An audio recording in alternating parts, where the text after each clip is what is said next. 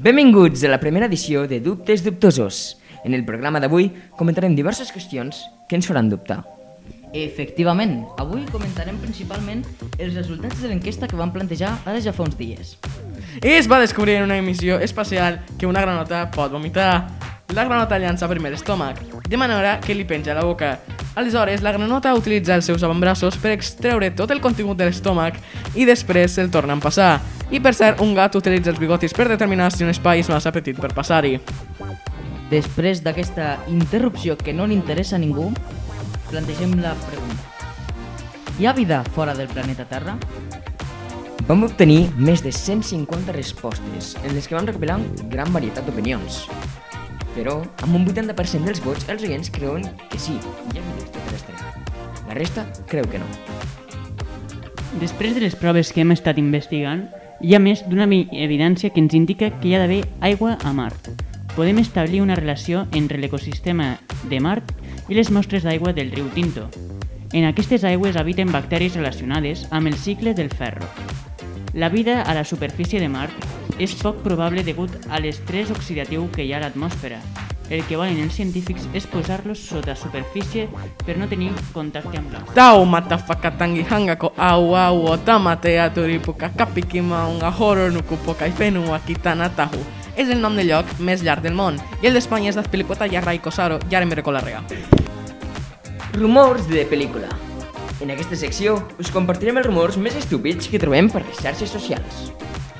Sembla que ja ho hem sentit tot, però és que, quan vam trobar aquests, vam estar segurs que no. Segons un parell o tres individus de Twitter, hi va haver una qüestió més que raonable per el confinament. Tots sabem que les ciutats estan plenes i plenes de coloms.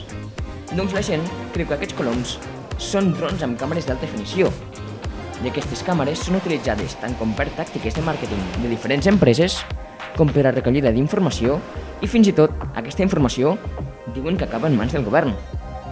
Es creu que el confinament va simplement va ser sí, simplement una estratègia del govern per a poder recarregar les bateries d'aquestes aus que durant molts anys havien estat buides. Estic segur de que no en vam veure cap de colom durant el confinament.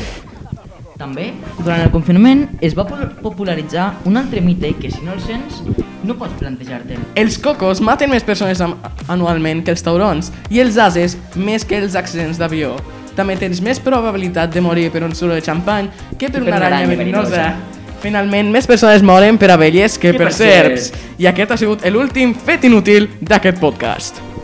No, l'orina infantil no protegeix el cos del coronavirus al digerir-se. Repeteixo, No! Finalment, us plantejarem la pregunta per al següent podcast. Què mesura el quocient intel·lectual? Us plantejarem també quatre respostes en les que podreu escollir. Ja sabeu que podeu votar en el nostre correu. La primera resposta seria la resposta A. Rapidesa de connexió entre les neurones. neurones. La B. Quantitat de neurones presents en el sistema nerviós. C. Volum de massa encefàlica. I D.